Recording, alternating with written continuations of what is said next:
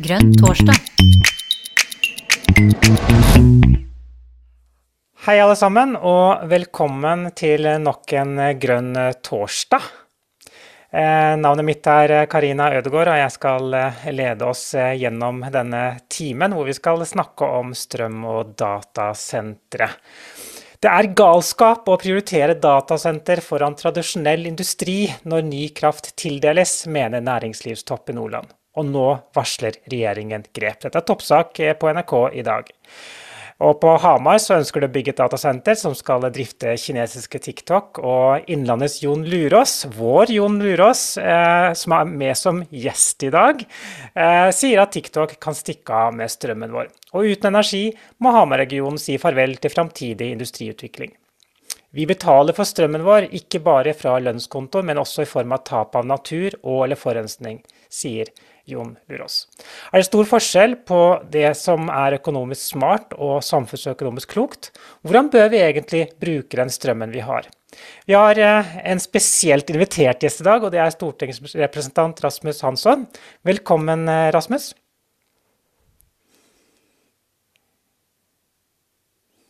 Tusen takk. Hyggelig å se dere alle sammen. Veldig, veldig bra. Hva tenker du eh, om dette med strøm og, og datasentre?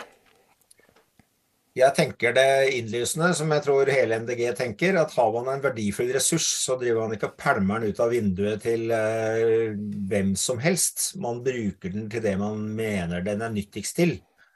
Og vi har jo i Norge nå kommet i en veldig rar situasjon hvor på den ene siden eh, masse folk i næringslivet eh, oppriktig vil eh, drive gjennom et grønt skifte, hver på sitt vis og med sin teknologi og med sin forretningsmodell.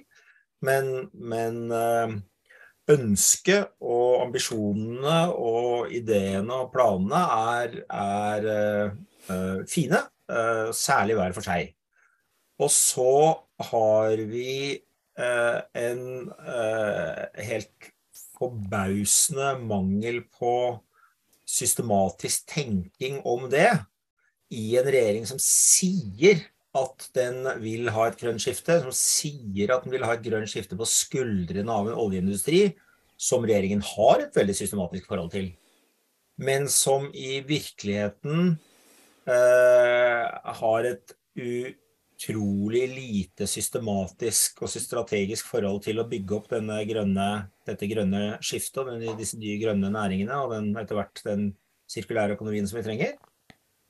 Og resultatet av det er at man bruker den gammeldagse norske metoden for å tenke kraft, nemlig at kraft er noe Norge har masse av og skal ha så mye av som vi bare vil. Og derfor så spør Statnett alle om de har lyst på mye billig kraft snart. Og alle som rekker opp hånden og sier ja, jeg vil gjerne ha mye billig kraft til hva det måtte være, de havner på lista til julenissen. Og så har julenissen, i dette tilfellet eh, eh, regjeringens eh, energikommisjon, summert opp ønskelista til 40 terawatt-timer med ny fornybar kraft, som de eh, forteller oss at er underdekt eller udekket kraftbehov fram mot 2030. Og det har utløst en energipanikk på Stortinget og i eh, norske fylker og kommuner og næringsliv, hvor eh, alle eh, forsøker å komme først i køen for å få tak i kraft og statens tilnærming har vært de eh, bedriftene som klarer å få de kommunene til å lobbe for de eh, energiforsyningene som kommer først, de får. Og resultatet av det er altså den saken som Jon Lurås, i Innlandet eh, har tatt opp. Noen bygger et digert datasenter i nærheten av Hamar. Eh, det datasenteret kom først fordi kommunepolitikerne sa ja og ha, og datasenteret er gøy. Og de innbiller seg at det følger masse, masse arbeidsplasser med datasenteret. Det tror jeg ikke på et sekund. Og så dukker det opp en annen bedrift som heter Nammo, som man kan mene hva man vil om. Det er i hvert fall et etablert bedrift som lager noe som noen trenger for tida, som ikke har kraft. Uh, og prioriteringen fins ikke. Mm. Så det, den saken, saken med, uh, med uh, datalager opp mot en etablert bedrift som trenger mer kraft i Innlandet, setter det hele på spissen. Og så er det da viktig å føye til at nå har regjeringen tilsynelatende skjønt at dette er en helt meningsløst framgangsmåte. Annet fordi Miljøpartiet De Grønne har vært ute flere ganger og sagt vi må jo prioritere hva vi bruker krafta vår til. Mm. Og for det andre har vi sagt er det helt sikkert at det er 40 TWh vi trenger? Hvor mange av de folka som ber om 40 TWh til sammen, er seriøse? Hvor mye trenger de egentlig? Hvordan ville lista sett ut hvis det hadde kostet en avgift å stå på den lista? Eh, ville vi da ha trengt 20? Eh, og ville vi da ikke ha trengt å planlegge for å bygge i stykker resten av norsk natur? Men regjeringen har nå varslet prioritering. Eh, det kommer vi i MDG til å jobbe hardt for å få sendt i riktig retning. Natur, grønt skifte, sirkulærøkonomiske løsninger må være det som blir prioritert. Og så trenger vi å lagre dataene våre, men det er ikke alle sorter data vi trenger i kraft til å lagre. Eh, takk, Rasmus. Eh, vi har jo Jon Lurås her. Velkommen, eh, Jon, som gjest i Grønn torsdag. Hyggelig å ha deg med som gjest. Aldri, Karina. Det skjer altfor sjelden. Det har skjedd før. Ja. Ja, så, så, så, natur og sirkulærøkonomi og, og, og, og grønt skifte. Eh, fortell litt om situasjonen i Innlandet, Jon. Ja, jeg, jeg, sitter jo da i kommunestyret og formannskapet i Løten, som da dette anlegget er på grensa mellom Hamar og Løten. og så Vi fikk jo opp denne saken veldig tidlig. som Da, da skulle det være batterifabrikk med 2000 arbeidsplasser, tror jeg det ble sagt. Eh, se hvordan disse lokalpolitikerne gikk amok på, på arbeidsplassargumentet. Og så forsvant jo den eh, batterifabrikken ganske fort, så det ble dataanlegg. Og da fikk vi høre 350 arbeidsplasser. Og de folka som var blanke i øynene på 2000 arbeidsplasser, de var også blanke i øynene på 350 arbeidsplasser. Eh, jeg jobber i IT-industrien, og veldig enkelt så er det sånn at datasentre i dag de er helautomatiske og har nesten ikke arbeidsplasser. Så jeg stilte jo ganske mye spørsmål og, og sånn knytta til det. Og ja, det, har vi avtalen. Det har leverandøren forpliktet seg, så da blir det sånn. Og jeg spurte jo ganske mange ganger rundt det der. der for Det kan godt hende at de har, skal gjøre noe mer der, det vet jo ikke jeg noe om. Men datasenter som hele tida har blitt brukt, de skal ikke ha så mange arbeidsplasser. Det er det ingen som tror noe på. Vi tror ikke at de setter opp et gammelt uh, manuelt datasenter der. Eh, ja, så jeg har jo da brukt en del tid knytta til det. Og så har jo lært masse. og jeg snakket, eh, Allerede første gang det var snakk om datasenter, så ringte jeg Rasmus fordi at eh, jeg var jo i tvil. Eh, er dette greit? Men jeg er jo ikke i tvil i dag om at det er greit å bruke vår strøm, grønne strøm også på datasenter. Men så mye datasenter som man nå har tenkt å sette opp i Norge, det er problematisk. Og så det å trekke en grense på hva slags type data, det er vanskelig. Eh, nå sa Rasmus nå at vi kanskje er litt skeptisk til TikTok, men det er dessverre det er Også med TikTok så er det noen positive sider som man i hvert fall må være bevisst på. Men der, eh, der, tok jo sikkerhetspolitiske spørsmål og global uro knytta til TikTok som aktør og krig og diverse ting som eh, også påvirker hva man tenker rundt TikTok. da. Eh, Rasmus nevnte Nammo. Eh, Nammo er på fordi, Nå vet jeg ikke hvor, helt hvor folk er fra som er med her, men eh, Nammo er da på Raufoss på andre sida av Mjøsa, men det er samme strømområde. Så den strømmen som da Hamar og Løten kommune greide å få grabba til seg, den kunne ha blitt i Jeg er litt usikker på om det var Østre eller Vestre Toten, men det var en trafo borti der som jeg også da kjempa mot.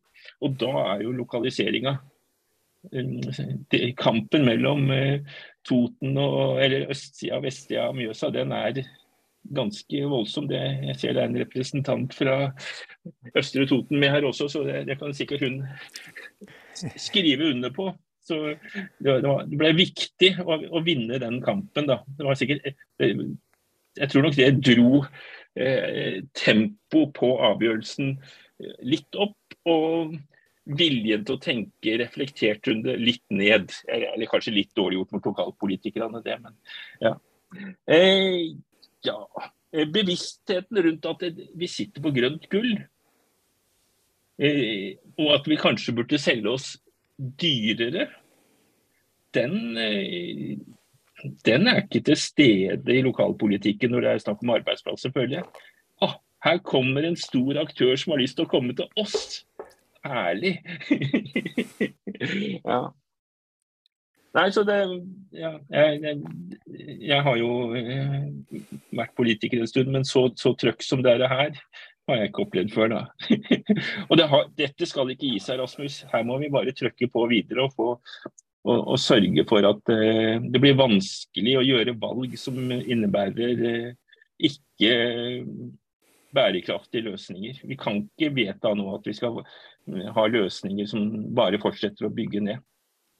For en siste kommentar før, før du stiller uh, spørsmålet. Når vi snakka om dette, dette, anlegget, så stilte jeg litt spørsmål knytta til det. Hva, hva, hvilke kriterier? Og eh, det skal være et modent prosjekt. Var det kriteriet som, de, som da eh, Heggevin Utvikling sa? Et modent prosjekt er det som får pengene. Det var ikke et godt prosjekt, det var et modent. Så lurer jeg jo på hva som ligger i det. Men da snakker jeg litt mye. Ja. ja. Um, vil du følge opp, eh, Rasmus? Uh, eller vil du ha et spørsmål for å dra deg videre? Ja, det er jo litt opp til deg. Altså, jeg, har, jeg, har, noen kommentarer så jeg kan prøve å gjøre korte, da. Men det som er viktig fra et fra et politisk synspunkt og fra et MDG-synspunkt i, i, et arbeid for å komme oss i retning av en sirkulær økonomi i Norge, det er jo at vi har en uh, tilnærming til natur og kraft og uh, beslutninger som er kjempeviktig for Norges miljøframtid som er innbitt og systematisk fragmentert. Det er meningen at det ikke skal være system uh, i, uh, i, tilnærmingen, fordi uh, Norge har som etablert prinsipp for hvordan vi bruker kraft, at det er en grunnressurs som vi bare skal skaffe til næringsliv. Og vi har som system for å velge ikke all, men veldig mye eh, næringsutvikling, at det skal komme ut fra eh, kommunale initiativer eh, og fra næringslivets eget initiativer, e, e, egne initiativer. Og det skal være næringsnøytralt. Det skal ikke spille altså Staten skal ikke mene noe om det er batterifabrikk eller fiskefiletfabrikk eller Eh, noe helt annet som bygges, det skal være det modne prosjektet. Eh, og staten skal ikke bestemme om det er i Åmli eller i Hattfjelldal eh, at dette kommer. Og det har vel hatt sine gode sider i en periode, men når vi nå går inn i en periode hvor vi er nødt til å husholdere med ressursene våre i et klima- og utslippsperspektiv, i et perspektiv hvor vi skal begynne å bevare natur og ikke fortsette å ødelegge den i villen sky, i et perspektiv hvor vi skal lage en industri som er bærekraftig og ikke ikke-bærekraftig, så kreves det en, en mentalitetsendring og en strategisk endring på statlig nivå og på regjeringsnivå, som bl.a. innebærer at det ikke er departement mot departement, fylke mot fylke, kommune mot kommune, men at det er vilje til å tenke helhetlig sentralt. Og det er ikke, med unntak av perioden med Norsk Jernverk og, og sånt noe, så er ikke de store partiene vilje til det. De mener at det er eh, dumt og farlig. Eh, Senterpartiet mener at alt blir best hvis kommunene får eh, bestemme det hver for seg. Arbeiderpartiet tør i hvert fall ikke å utfordre det, og de mener grovt sett at den teknologien som vinner på markedet, er den teknologien som er best for verden og klimaet. Og her har altså MDG en veldig, veldig stor jobb å gjøre. Å klare å få gjennomslag for at skal vi komme oss inn i, det grønne skiftet og ut igjen på den andre siden i den sirkulære økonomien, så må vi faktisk planlegge det. Eh, og det er en, en, jobb som må gjøres i kommunene, i fylkene og på Stortinget. Og en, på en måte en ny jobb for MDG etter at vi har slått fast naturens og miljøets uh, nødvendighet og verdi. Så må vi også slå fast nødvendigheten av å planlegge, samtidig som vi ikke skal bli planøkonomer og statssosialister, for det er vi ikke. Hvordan skal vi involvere arbeidslivet og næringslivet i, disse, i denne prosessen, tenker du? Ehm, eh, det første er jo selvfølgelig en dialog hvor vi stiller spørsmålet. Altså hvordan tenker de at det skal skje? For det er jo heldigvis ikke sånn i næringslivet at folk er så tjukke i huet at de tror at uh, ting er like viktige og ting bør konkurrere vilt mot hverandre. Uh, det andre uh, er å ta det ansvaret som næringslivet jo vet at politikere før eller senere må ta, nemlig å regulere. Næringslivet taler jo alltid med to tunger. De sier buhu, ikke reguler helt til de kommer i en markedssituasjon hvor de sier 'reguler, reguler', for ellers så går det dårlig for oss. Eh, og, og, og, det vet du jo godt selv. Eh, og politikerne later av og til som de ikke vet det. Eh, men, men eh, vår jobb må være at vi kommer til det punktet hvor vi klarer å for det første bestemme oss for hva som er prioriteringene som stat. Eh, og for det andre tørre å vedta prioriteringene. Og selvfølgelig gjøre det gjennom det utmerkede samarbeidet som vi har med, med arbeidsliv og næringsliv og trepartssamarbeid og alt det der i Norge. Som jo ikke er noe problem, for man gjør det jo hele tiden på det ene området etter det andre, men vi er uvant til å gjøre det på, eh, på energi-, miljø- og klimaområdet. Hmm. Eh, takk. Hanne Feregen, jeg ser at du har eh, rukket opp hånden en stund. Skal vi slippe til deg før eh, Jon får komme med en kommentar? OK.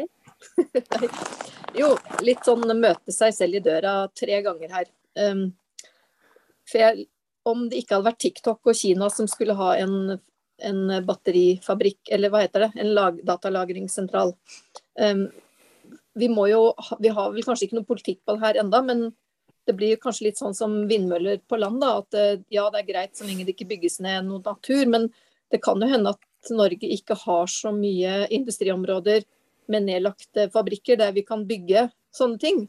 Så både ja, spesielt batteri da, og, og datalagring. For det, ettersom teknologien blir mer og mer filmer, så vil det jo trenges større og større lagringsmuligheter for sånt noe. Så liksom skal MDG si ja til å være med på den dugnaden i verden, da, at vi trenger mer datasentraler. Det var det ene. Og så tenker jeg litt at det gjelder det samme når det er snakk om å utvinne kobber f.eks. Det er veldig aktuelt på Røros der jeg bor.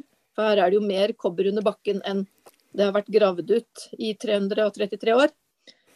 Eh, skal vi være med på den internasjonale dugnaden, eller er det liksom Ja, det blir litt sånn som det regnestykket med, med, med kraft òg. Da er det er det nok å drive urban mining og bruke om igjen det vi har? Eller skal også Norge bidra i den dugnaden da, og skaffe mer metaller. Så det var nummer to. Og så litt til det Rasmus sa òg. For når jeg var ganske ny i partiet, så, så, likte jeg i og for seg det der med at, at vi ønsker økt selvstyre til kommunene. Men så, så ringte jeg en Knut, Knut og spurte liksom Ja, men det er veldig sånn tvert imot, da, syns jeg, når det gjelder å, å regulere snøscooterkjøring og sånt noe. Og da ble vi kanskje enige om at jo, men det er fint med selvstyre så lenge det ikke går utover natur og klima og miljø, da. Eh, men, for man må jo ha fagpersoner som skal regulere naturen. Så, så jeg vet ikke, når du snakka Rasmus nå, så virka det jo som at du var veldig imot selvstyre for kommunene, da. Så hvor, hvor, er vi hen i disse tre spørsmålene? Takk. Vær så god. Du, du, du, vil slippe til litt, Jon. Jeg skjønner det før vi gir ordet til Rasmus. Ja. ja jeg kan jo kommentere det her til Anne med det, det å bruke strøm på datasenter. Jeg drev og tenkte litt på det. Det er en vanskelig grensedragning om man skal si For det, det er verdier i sosiale medier som faktisk betyr noe. Men som da Hanne er inne på, så er jo energisluk av dimensjoner etter hvert. Så det er ikke noe enkelt svar på det. og eh, Hvis vi sier nei, og at det da plasseres et annet sted, det er jo noe problematikk der også. Men eh, Rasmus var vel ikke innom det, men Rasmus har vært innom det tidligere i andre, altså også i andre typer politikk eller næringspolitikk at Norge har tendens til å plassere seg som en råvareeksportør. Er det da man kan si bananrepublikk? altså de, de, leverer bare på én ting, men vi, vi, vi, behandler lite og vi eksporterer mye. og Det legger man jo også opp til med å bygge masse datasentre her. Så er det det vi skal bruke naturen vår til? Å hente ut ting som da skal betjene resten av verden? Ja, men det jeg vet jo at nær, næringsfolka i partiet har brukt litt tid knytta til sånne, sånne, sånne, tanker. Så det er, det er jo en del utfordringer der. Ja. Rasmus? Mm. Her var det mange momenter, eh, Rasmus. Eh, kan du begynne å nøste dem? Altså det ene vi kan minne oss selv om, da altså For det første har vi jo historisk gått gjennom en epoke hvor folk eh, og hvor både industri og stat hadde veldig sterke meninger om hva vi skulle satse, på. Vi skulle satse på kraftutbygging og tungindustri. Vi skulle satse på å bygge jernverk i Mo i Rana og, og i, i Kirkenes og og sånn, og det gjorde vi, og det hadde sine gode sider en periode, og så gikk det over. Eh, og i, i, vår tid, eh, etter at miljø ble en faktor i næringsutvikling, så har altså Tyskland eh, pøst penger inn i solenergi og endret solenergiteknologien fra å være noe sånn Eh, moro for spesielt interesserte med hytte, til å bli en eh, teknologi som kommer til å få kolossal virkning for klodens energiproduksjon, uh, i positiv forstand. Danmark har gjort akkurat det samme med vindkraft. Utviklet det fra noen propeller som sto og surra på noe låvetak, til å bli en industri som får kolossal effekt for, eh, for verdens energiforbruk. Europa skifter nå energibase fra olje og kull til vind. Med, med, Storbritannia, det gamle der hvor industrien ble funnet opp på, på 1750-tallet. Der skal de nå først og fremst ha vindkraft, havvind, som sin energibase. Takket være at tyske skattebetalere gjorde den teknologien, eh, og danske skattebetalere gjorde den teknologien eh, lønnsom. I Norge så har vi etter min mening eh, ved et rent uhell en, en ledende rolle i å utvikle elbilteknologi. Fra noe som var noen sånne olakjerrer med en stabel startbatterier i bagasjerommet som ingen voksne mannfolk turte å være i nærheten av til å bli det elbiler er i dag, som er en, en transportteknologisk eller samferdselsteknologisk revolusjon. fordi vi valgte det, stikk i strid med det Jens Stoltenberg egentlig mente. Plukket ut den teknologien, satte inn de enorme skatte, skattelette tiltakene. Sløste bort kolossalt mange offentlige milliarder. Men har altså oppnådd det vi har oppnådd. Det er sånn massevis av eksempler på at jøss da, vi velger teknologi, vi pøser penger inn i det, og det funker. Det er grunntenkingen som vi må liksom, på, på, en måte komme tilbake til. Så er spørsmålet akkurat hvilke teknologier er det? Det skal ikke jeg sitte og slå fast sånn umiddelbart. Vi har noen sånne overordnede ideer. Sånn vi er nødt til å utvikle biobaserte teknologier. Vi er nødt til å utvikle fornybarbaserte teknologier.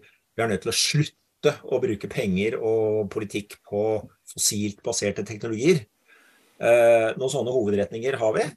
Og så kommer, eh, så kommer eh, datalagre kanskje sånn midt imellom. Fordi ja da, vi må lagre data, men grunnen til at det er så stor interesse for å lagre data i Norge, er eh, to-tre ting. Det ene er en forventning om at her er det masse billig strøm. For det har Norge fortalt verden. Derfor kommer de hit. Det andre er at det er kaldt her, så de bør kjøle litt mindre enn eh, de må i Arizona. Og det tredje er at det er et grisgrendt eh, land, så det er plass. Eh, og vi deler ut det lille vi har av matjord til å bygge datasentre på. Derfor kommer den teknologien til masse norske kommuner som sier hipp hurra og tror de skal få 2000 arbeidsplasser. Men eh, det kan jo hende, hvis prisnivået hadde økt, hvis kravene hadde økt, at de datasentrene kunne levert de tjenestene de leverer, med mindre energiforbruk, eh, f.eks. Eh, hvis prisene øker. Det er jo en velkjent mekanisme. Og så trenger vi Det vi trenger, er jo diskusjonen om hva er det vi vil satse på å eh, komme ut av posisjonen hvor vi sier det gidder vi ikke å diskutere, vi bare tar det som kommer. Mm. Eh, og så tenker jeg på, Det er jo andre, andre eh, faktorer her òg. Altså, batterifabrikker, som jo er på siden her, da, men, men det er litt, litt eh, relatert, så, så, vi kan jo nevne det. Det bygges jo flere batterifabrikker rundt omkring i verden, og også i Norge eh, for tiden. Eh, og så kommer da en amerikansk president og lager en eh, Eh, en, en, en, eh, næringslivspakke for å stimulere til eh, mer batteriproduksjon i USA. Og så settes den ene batterifabrikken etter den andre i Europa på vent. Tenker vi for, for kortsiktig? Altså har vi for kort tidshorisont i måten vi prøver å tilrettelegge på her, Rasmus? Ja, hvis vi ikke lærer av det som foregår nå, ikke bare i USA, men aller først foregikk det i Kina. Så foregår det i USA, og det foregår også i EU. Der hvor det i EU heter satsingene IPSEI, som er en forkortelse for noe sånn Important Strategic eh, Haifadra, eh, som går ut på akkurat det samme som kineserne opprinnelig gjorde da de stjal batteriproduksjonen, da de stjal vindturbinproduksjonen, da de stjal uh, solcelleproduksjonen. De pøste subsidier inn i sin produksjon og uh, utkonkurrerte alle andre på verdensmarkedet. Stikk i strid med reglene om lik konkurranse på verdensmarkedet osv. Så, videre. så har vi kommet til det punktet hvor USA og EU har mista troen på det eh, fri, åpne eh, verdensmarkedet, og dessuten er redde for at Kina har okkupert en masse strategiske ressurser og produkter. Så de går til, mot, uh, til motangrep. Og motangrepet er enkelt sagt subsidier. Det gode gamle. Man subsidierer internt. Og Norge blir nødt til å gjøre det lignende. Vi gjør det allerede uh, i, uh, i uh, olje- og gassektoren. Oljeskattepakka er jo en sånn satsing for å videreføre oljesektoren. vedtatt på et tidspunkt hvor vi trodde at oljesektoren var truet av pandemi og lave ressurser og sånt nå, og før Putin kastet seg over Ukraina. Men, så vi er jo overhodet ikke fremmed for det i Norge heller. Men nå går det toget veldig fort. Og etter min mening er jo svaret uh, for det første at vi må begynne å tenke sånn selv. Og for det andre at vi er nødt til å samarbeide med EU, for det er den eneste måten vi kan uh, jobbe grønt i stor nok skala til at vi kan stå, kunne stå opp mot det Kina gjør, og det USA gjør med sine IRA-satsinger. Uh, Så vi må uh, melde oss på det EU-toget. Vi kommer ikke til å klare det alene. Mm. Det var uh, grei tale. Bjørn Sandvik, du har rukket opp hånden. Ordet er ditt, vær så god.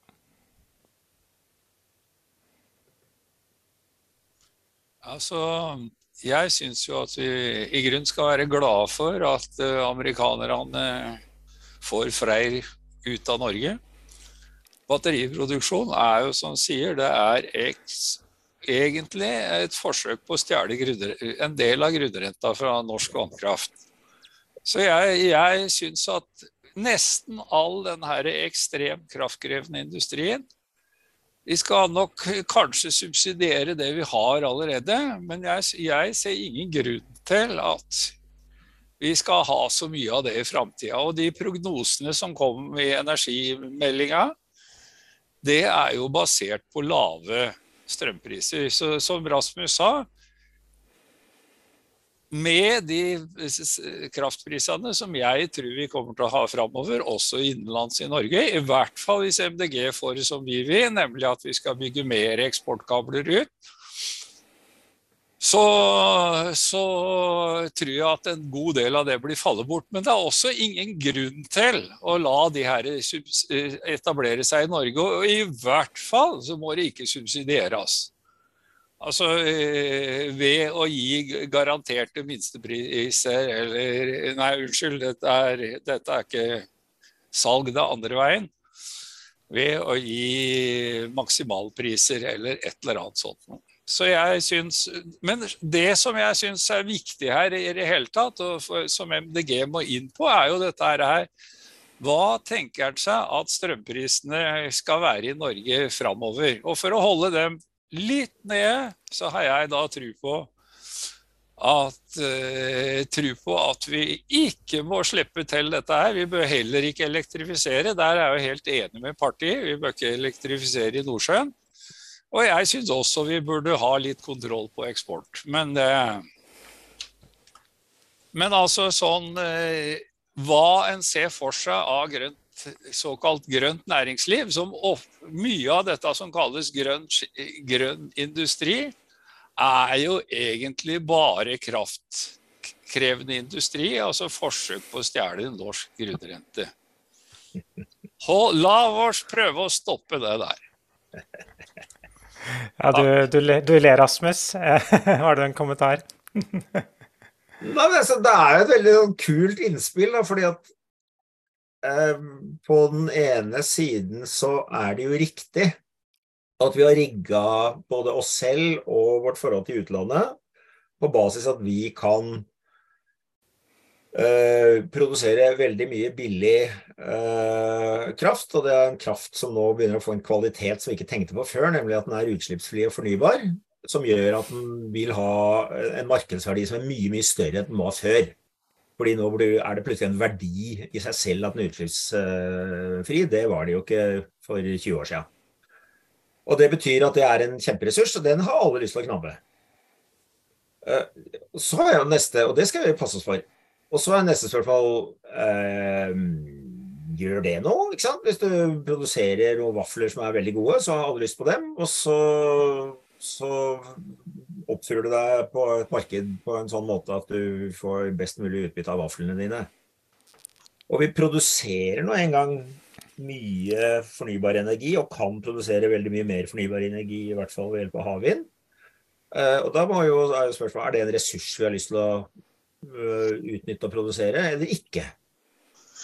Og så er det på den ene siden så er jeg helt enig med deg at vi må, vi må, ikke bare tenke at vi skal produsere og bruke så mye kraft som bare det. Vi må som parti være de første som sier nei, vi skal ikke produsere mer kraft enn det naturen vår og samfunnet vårt og politikken vår tåler. Eh, på den andre sida så er det en realitet at vi må erstatte masse energi som vi i dag leverer ved hjelp av fossil energi. Det er fortsatt 50% av det norske energiforbruket som er fossilbasert. Biler og maskiner og fabrikker og sånn. Det er vi nødt til å erstatte hvis vi skal få vekk de utslippa. Så det er en, eh, en morsom diskusjon hvor, hvor, eh, hvor ditt innspill er sånn én flanke. Og så er den andre flanken at dette er jo en ressurs som vi produserer på sånn linje med torsk og tømmer. Uh, hvordan skal vi gjøre oss nytte av den? Katrine, du har rukket opp hånden, vær så god. Ja, skal jeg prøve meg på videoen. Si fra hvis det blir veldig hakkete. Jeg har litt dårlig nett her. Hei, alle sammen. Jeg har lyst til å dra det litt bak. Veldig interessant fram til nå. Men vi skal jo inn i en lokalvalgkamp. Og for å ta tilbake det som Jon Hvis Jon som sitter i Hamar, nei, Løten, og jeg sitter i formannskapet i Færder, så får vi en, en datalagringsprodusent som kommer og konkurrerer. Og så må vi konkurrere oss to kommunene imellom for, for å få, få, det til vårt sted. Som kommunerepresentant så er jeg fordømt forplikta til å lage noe ut av min kommune. Eh, som eh, ansvarlig borger, da, for å si det litt svulstig, så ville jeg jo tenke fanden knekke, det kan jo ikke ligge her. Eh, så hvordan skal vi som lokalpolitikere gå inn i en lokalvalgkamp og si at vi, vi vil veldig gjerne ha lokalt selvstyre, men her må staten inn og ta et overordna ansvar. Det blir en forferdelig forskrivelse. Rasmus, du er en erfaren kar. Åssen gjør vi det? Der fikk du et direkte spørsmål, Rasmus. Du får lov til å svare hvis du vil. Altså det, det, lettvinte svaret, som er sant, som er starten, sånn Det gjør vi hele tiden. Og, og, vi har et vesen som gjør det, og det heter Statnett. Og det bestemmer at uh, hit skal det strøm, og dit skal det ikke strøm. Uh, og bak det ligger uh, en masse nasjonale politiske vurderinger. Men det fører til at Uh, liksom ute i skjæra i Færder så kommer det innmari lite strøm. Uh, og til Mo i Rana så kommer det veldig mye strøm. Delvis fordi at politikere på nordlandsbenken er mye flinkere til å skrike til seg strøm enn Vestfold-politikerne. Uh, og delvis fordi det kanskje er lurt. så, så det, det, skjer jo i virkeligheten en sånn, en sånn nasjonal fordeling, men det er på en måte litt skjult, da. Uh, og lite planmessig. Det er en del, et svært uh, sånn strømbyråkrati i Statnett og NVE som sitter og regner ut at det er lurt å sende strøm uh, til, til, til, en eller annen industripark i Mo, og ikke til Bustein. og da og det gir hemmelig mye mening, men så dukker det opp politiske kontroverser da, når noen oppdager konsekvensen av at det ikke er en strømforbindelse mellom Nord-Norge og Sør-Norge. Som gjør at plutselig så blir det kjempestore strømprisforskjeller der fordi at eh, det skjer ting i Europa. Det hadde vi ikke regna med. Det har stort sett gått helt fint fordi vi har utjevna det, vi og Sverige. Men da dukker det opp en konsekvens av en byråkratisk beslutning. Eh, sånn, at Jo da, det bestemmes eh, statlig allerede. Og det bør antagelig fortsatt være en statlig, faglig sånn hoved... sånn grunnplanlegging, da. Men så bør vi få en mer øh, opp i dagen diskusjon om hvor, hvor eh, strømmen skal gå. Og Det er vi i ferd med å få, f.eks. i Finnmark, hvor eh, spørsmålet er om Melkeøya skal få all krafta i hele Finnmark. Eller om de skal få beskjed om å, å proppe igjen utslippa sine sjæl, sånn at uh, øvrig næringsliv i Finnmark kan få noe strøm. Det er, og Sånn vil det bli på Herøya, og, sånn vil det bli en mildere versjon i Vestfold. Så jeg tror det minst dårlige svaret jeg kan gi på det, er at vi må få mer offentlighet og mer politikk rundt beslutningene om hvor vi produserer strøm, og hvor vi leverer strøm. Hvor vi bygger ut nett. Mm. Ja. Men den usexy delen av det, da, det er jo hvis Skara da, f.eks. skulle bli noe av, ikke sant. Så skal Larvik og Færder, eller Sandefjord og Færder, slåss om å utnytte den krafta som kommer der med å legge hver sine såkalte store arbeidsplasser. Så blir sånn, det blir en sånn konkurransesak mellom kommunene som egentlig burde vært løfta høyere opp for å se et overordna nasjonalt perspektiv på hvor pokker skal ting ligge, hvor det gjør det minst vondt, minst uh, skade. ikke sant? Og det er jo en vanskelig balansegang med å være lokalpolitiker og si at vi skal bestemme sjøl, og samtidig dette må, dette må sjefene ta. ja, men Mener du at, den, eh, at Færder bør eh, gis mer makt, eller fratas mer makt på det feltet der? For det er jo det som er viktig for oss som parti. Jeg mener nok fratas. Men, men, det jo, men, det er jo, mange av dere som sitter her som er kommunepolitikere, som sitter i den enden av, av, av, ledningen. Jeg kan svare hadde det ikke vært opptak, så hadde jeg vært enig med deg, men siden det er opptak For det, vi ser jo det i strandsona, vi ser jo det på masse ting, ikke sant. Det er jo noen ting eh, vi skarve lokalpolitikere pokker ta meg kanskje ikke skal Men uh, siden det er opptak, så, så mener jeg ikke det. Nei, men ok, men det, den, den, skjønner vi, Katrine. Så tror jeg dessverre at alle som ser dette opptaket, skjønner hva du egentlig mener. Eh, Tor, du har rukket opp hånden. Ja, um, jeg lurte på det om det gikk an å gå litt tilbake til lokale forhold. Dvs. Si Løten, uh, Hamar, eller er vi ferdig med det? Nei da, vi kan fortsette med det. Det er eh, like mye din time som det er Rasmus og Jon sin, så vær så god. Ja, OK. Eh, altså eh, Når en sier nei til noe, så må en kanskje si ja til andre ting. Og i denne saken her så uh, har jo eh, MDG både i Løten og Hamar sagt ja til en blankofullmakt hva Green Mountain vil gjøre og hvilke folk eller kompanier, firmaer, de vil ha inn. Eh, det er nå én ting.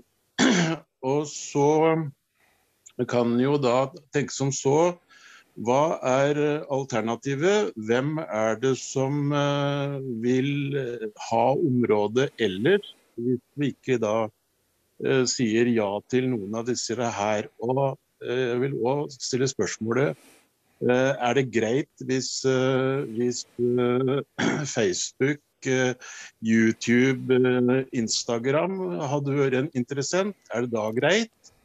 Eller er det altså litt dette her med å ri to hester? Er det greit? Men det er jo dette med ressursbruk òg. Hva er det som skal veie tyngst? Er det altså kinesere, som da blir satt på gangen her. Eh, fordi det, det, er TikTok. Og hadde det vært eh, amerikanere, så hadde det vært greit. Men samtidig så er det jo dette her med, med kraftforbruket. Så eh, altså det er arbeidsplasser, og det trumfer alt.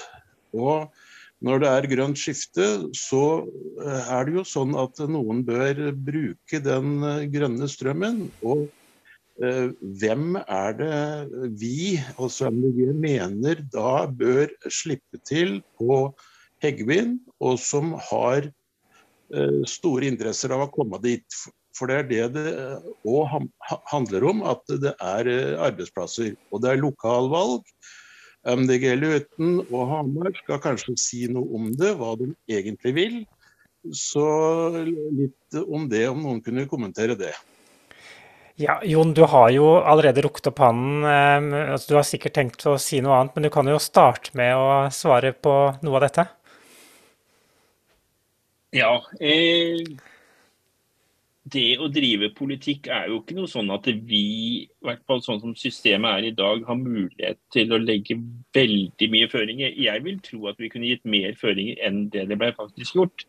Men jeg etterspurte jo da de føringene. Det eneste det er vel kanskje noe annet i forhold til noe, øh, litt forskjellige andre ting der, men hovedsakelig så var det føring på at dette her skulle ikke være kryptovaluta. Og når vi etterspurte sikkerhetsvurderinger og, og sånn, så fikk vi til det var håndtert av Nasjonal sikkerhetsmyndighet. og, og, og sånn, Så da ble det jo egentlig fritt fram.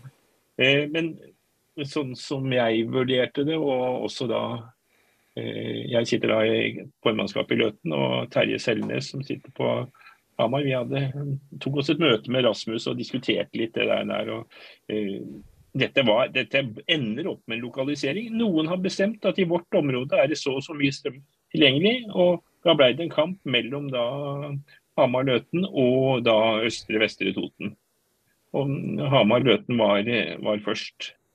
Uh, og så er det problemet som nå Tor er inne på, det at noen eller systemet er sånn at én aktør faktisk får reservert den ekstreme mengden med strøm. Eh, og det er jo utenfor vårt lokalansvar, og da tenker jo jeg at det eh, Altså, vi har ansvar lokalt for en del ting, men eh, der er det noe en, en føring som er lagt ned, ned, tredd ned over hodet på oss, som vi må forholde oss til. og så ser jeg jo det at det er andre politiske partier som da mener at nei, det trenger vi jo ikke. Vi trenger ikke forholde oss til virkeligheten. Eh, her må vi være ideelle. Så det var jo noen som da stemte mot av, av sånn som jeg tolka det. Og da blir det jo, som Katrine var inne på, arbeidsplasser. Og det, det vi trenger arbeidsplasser også på Hedmarken. Og så er, er det jo en del sånn litt problematiske ting rundt det. Jeg ser jo at klokka går fort, men det, det jeg er ikke redd for å si ting, sjøl om de går i opptak, så kan jo andre tenke på det. Men eh, Rasmus, eh, eh jeg har hørt rykte om et Dukk 8-forslag knytta til dette. Er dette noe du kan har røpt noe fra allerede, eller kan røpe noe, eller er dette så eh, så hemmelig at det får vi ikke greie på. Eh, og Hvis du skal si noe, kan du fort si hva Dukk 8 er, for det tror jeg ikke alle vet hva er for noe heller. Takk. Vær så god, Rasmus. Du må unmute. aller først si at det, det, det, er ingenting som er noe spesielt hemmelig. Uh, vi, vi, prøver å tenke på basis av både innspill og det som skjer rundt oss, og, og, det vi finner på sjøl. Eh, et Dukk 8-forslag eh, er det samme som et representantforslag. Og det er den måten eh, en stortingsrepresentant kan legge fram et politisk forslag om hva som helst forby import av eh, pels fra utlandet siden norsk pelsdyrnæring er lagt ned. Som Venstre foreslo, og vi har, vi har foreslått det før. Venstre foreslo det nå, vi hadde debatt om det i salen i dag. Derfor så nevner jeg det. Eller handicap, eh, oppgradere regelverket for handikapparkeringer eller sånn. Det er altså et, da, da legger man fram i salen et forslag uh, som gjør rede for at vi syns et eller annet.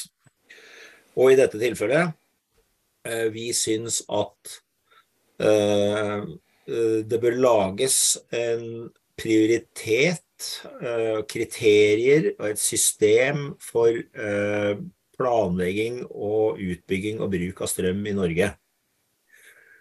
Da legger vi fram et sånt forslag. Og så, øh, så, tar presidentskapet det forslaget, og så sier de hvilken komité bør behandle det forslaget. Jo, det bør øh, næringskomiteen eller energi- og miljøkomiteen øh, behandle.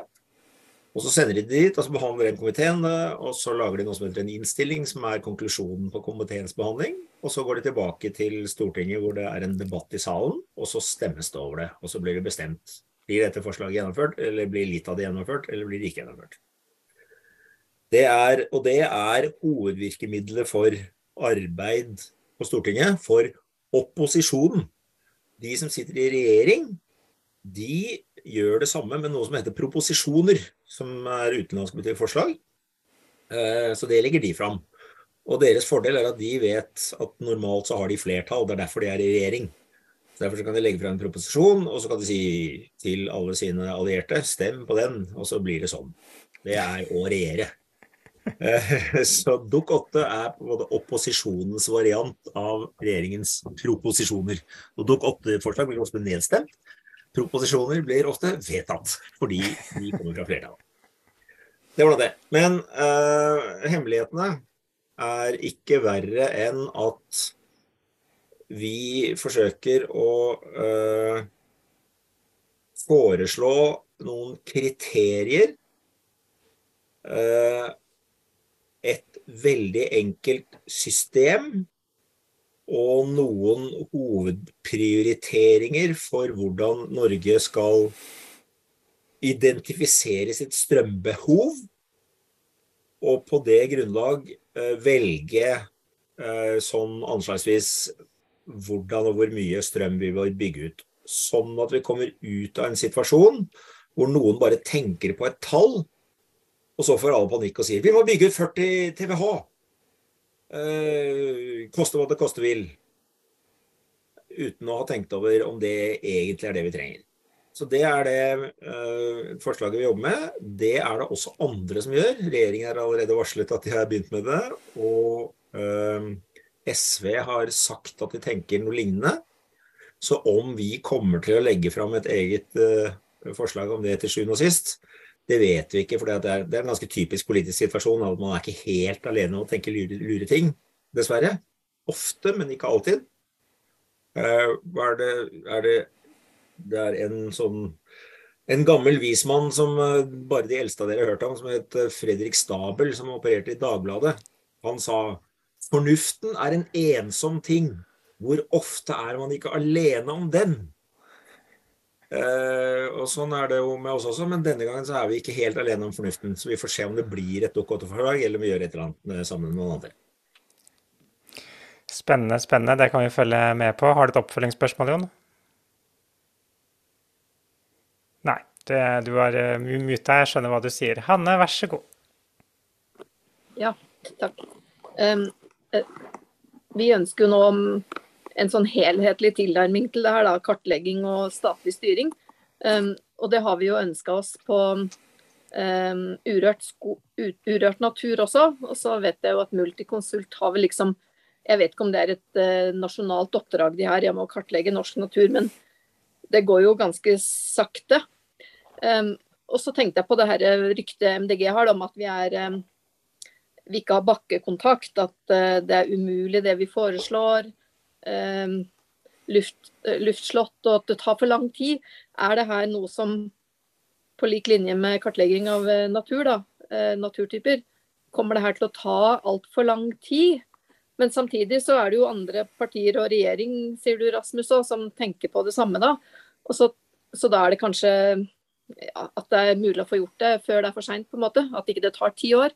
Eh, men så tenkte jeg på det her med eh, når vi regulerer eh, nedbygging av matjord. Det har vi jo satt begrensninger på i Norge i ganske mange år nå. Selv vi holder oss jo ikke innenfor det. Men det er jo på en måte en slags sånn helhetlig nasjonalt styrt ting, da.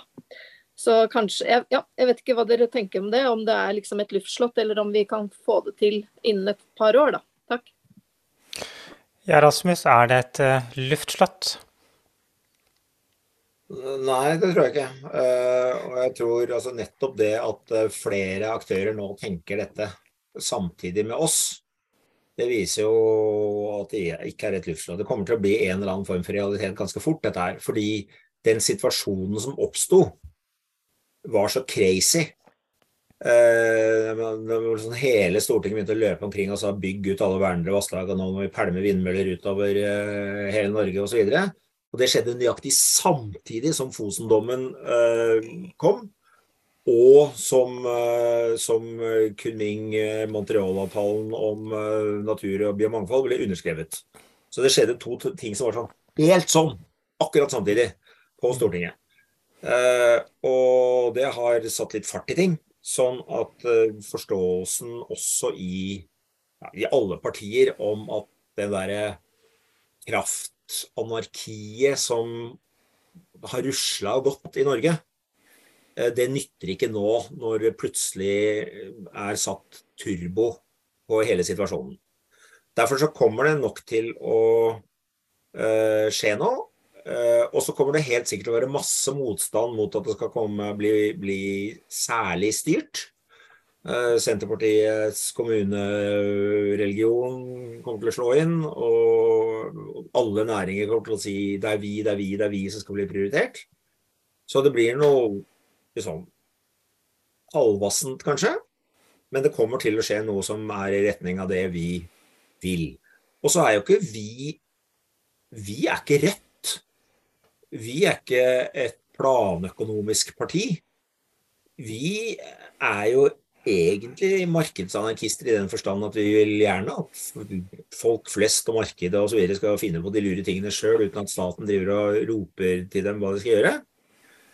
Men vi ser at det er nødvendig med en hel sentralstyring. Og da er det siste poenget ditt med matjord interessant, fordi der har jo situasjonen vært i alle år at uh, regjeringer vedtar at uh, det hadde vært veldig hyggelig om vi bygde litt, ned, litt, litt mindre matjord, dere. Um, og det står i jordlova at matlov skal, matjord skal ikke bygges ned i det hele tatt. Det er forbudt å omgjøre matjord. Men det har man gitt faen i 50 år.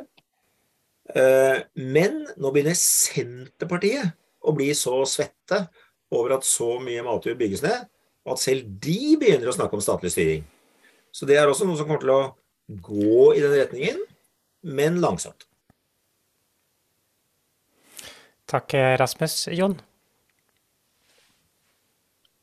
Ja. Eh, jeg lurer jo litt på Er det sannsynlig at den eh, Green Mountain-reservasjonen eh, som da rammer Nammo faktisk kan bli endra.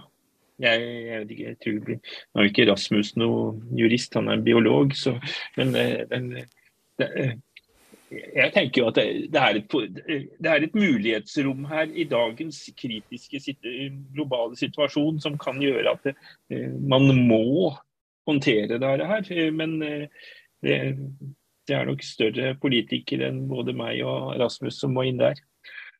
Og så ikke det? Nei, OK. altså, jeg har brukt litt energi på matjord også. Energi på matjord, det var veldig bra. Um, og der må vi jo bare fortsette å presse på. Og Eh, på Tangen, også da på Hedmarken, så er det en skiløper med navn Bjørn Dæhlie som har rota det til å drive og skal ta noe av den beste matjorda. Så jeg håper vi skal få til noen fine oppslag for å trykke enda mer på, på at eh, her må de faktisk ta grep. Jeg vet ikke hva Hanne forsøkte på eh, replikk. Replikk. Vær så ja, god, Hanne. Det, du får lov. han, eh, Bjørn Dæhlie har jo prøvd å bygge ned matjord på Alvdal også, til en sånn shoppinggreie langs med riks, eh, fylkesvei 3. Så det går an å følge på det. Der har det vært litt sånn fram og tilbake i kommunestyret i Tynset Alvdal og sånn. tilfelle du kan snakke med dem om det. Takk. Ja, Det er jo fint å få et lite sidespor til, til strømdebatten. Um, vi nærmer oss uh, avslutningen her. Og så tenker jeg, uh, Hvis vi har sett på Norge nå de siste året, så har vi jo sett at det har vært ganske forskjellige priser i forskjellige deler av landet. Og spesielt i Nord-Norge så har det jo stort sett vært forskånet med, med lavere priser. Um, men sånn vil det jo ikke nødvendigvis eh, forbli, fordi vi ser jo at behovet for fremtidig strømbruk, i hvert fall hvis de fortsetter å bygge batterifabrikker og datasentre, vil jo definitivt medføre økte strømpriser eh, også. Noen tanker om det, Rasmus, eh, som en sluttkommentar? Hva gjør vi med strømprisene? Altså, jeg Nå snakker jeg som enkeltperson. Eh, og jeg mener at i utgangspunktet så gjør vi ikke mer med strømprisene enn vi gjør med lakseprisene og brødprisene. Eh, den måten vi løser det at ting blir dyrt på i Norge, og den måten jeg mener at eh, MDG skal løse det at ting blir dyrt på, det er at vi skal sørge for at folk har råd til å kjøpe det. Eh, det gjør vi eh, gjennom en solidarisk eh, skattepolitikk, en omfordeling i lønnspolitikken, bedre støtteordninger for de som har det dårlig gjennom Husbank og sosiale mm, tiltak og sånn. Vi gjør det ikke ved å gå inn og skru ned brødprisen og skru ned bensinprisen og skru ned strømprisen osv. Og når det gjelder akkurat strømprisen, så er det jo altså det som vi i hvert fall må tenke over i MDG, det er strøm har vært noe som vi har tenkt at er dritbillig. altså Vi bare kan produsere masse, og, og, og, det koster ingenting, og vi kan bruke så mye vi vil av det. Nå endrer vi oss til at det er fundamentet for det grønne skiftet. Det er fundamentet for at vi kan bygge en verden et næringsliv og en velferd som ikke ødelegger jordas klima. Eh, og det er en innmari verdifull ressurs. Og hva skjer med verdifulle ressurser i, i, et marked? Jo, da blir det litt dyrere. Fordi det er mange som gjerne vil betale for det.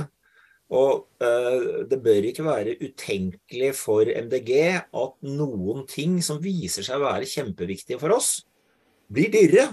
En av grunnene til at eh, strøm bør være dyrere, er at det ødelegger masse natur å bygge det. Da bør det ikke være gratis. Det bør være dyrt å produsere noe som ødelegger natur.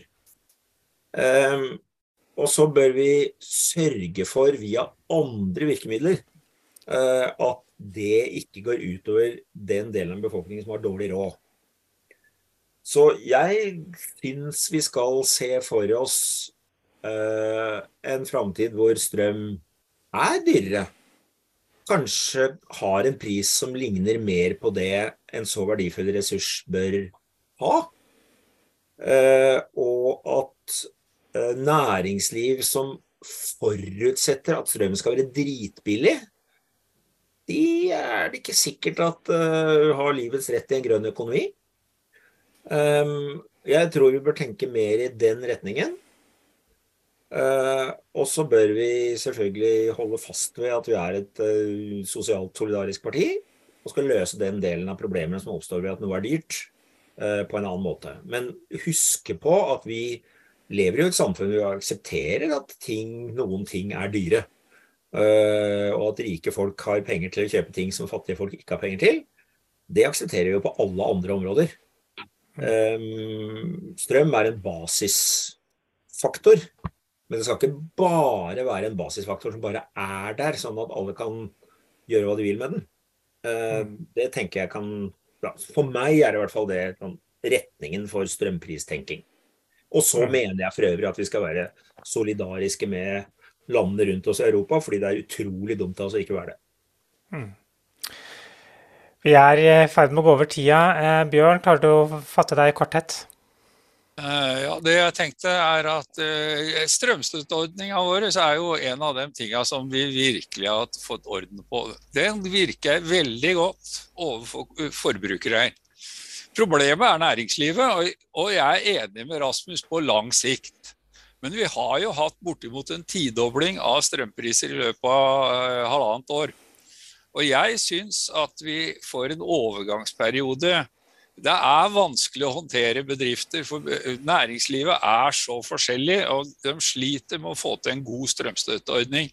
Så jeg tror egentlig at vi bør prøve å få prisene gradvis oppover til, til den situasjonen som Rasmus eh, legger vekt på her. Tido, tenk, hvis, tenk hvis dieselprisene var tidobla. Det ville blitt et utrolig Det har gått veldig bra med disse mye høyere strømprisene i Norge. Det er, men det er jo et prissjokk som er helt hinsides som har hatt. Yes. Rasmus, du får replikk og siste kommentar. Tusen takk. Det er, bare, det er, jo spennende det Bjørn sier. Altså for det første så er det jo kjempeviktig å minne om at vi har foreslått en strømstøtteordning som er så som er mye mer sosialt omfordelende, som er mye mer miljømessig og klimamessig fornuftig fordi den eh, tar ned forbruket. Og den er så fornuftig at den ene etter den andre kommer jo etter oss og mener at vår strømstøtteordning er den fornuftige. Så det er et kjempeviktig sosialt tiltak, og det er veldig bra at du nevner det, så det ikke bare blir min sånne langsiktige markedsliberalistiske visjoner. Så takk for det. Og det andre er jo bensin- og dieselprisene.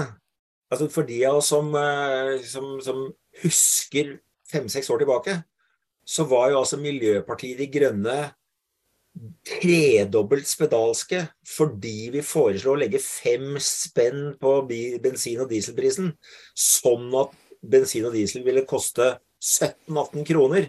Og det var liksom ikke grenser for hvor forferdelig idiotisk det var. Nå koster det 24-25, eller gudene vet hva det koster. Og folk raser omkring i bilene sine og blunker ikke, og ingen snakker om det lenger. Eh, det betyr at den femmeren vår skulle vært en tier. Eh, og den virka fortsatt ikke. Så vi har jo liksom Vi var på beskjedne, men vi har jo hatt 100% rett i at eh, kapasiteten for å opp høyere energipriser i den norske kjøpekraften er stor. Og hvis vi vil bruke kjøpekraft og, og, og, og um, pris til å styre forbruket, så må vi ta i veldig kraftig i et marked som, uh, som det norske. Uh, og, og, og, vårt vanvidd er jo altså tredobla, eller i hvert fall dobla, av virkeligheten. Så det gjør at vi behøver ikke være redde for å trå til med, med pris- og avgiftsvirkemidler når vi trenger det i framtida. Tusen, tusen takk, Rasmus. Og takk til deg også, Jon, og alle dere andre som har vært med på å bidra til nok en fin og hyggelig grønn torsdag. Så ønsker dere en fortsatt deilig kveld. De fleste skal vel gå til sengs ganske snart. Og så blir det vel en grønn torsdag til etter hvert også, kjenner jeg oss rett, Jon. Men det, dere får bare følge, følge med. Så takk for i kveld, og takk for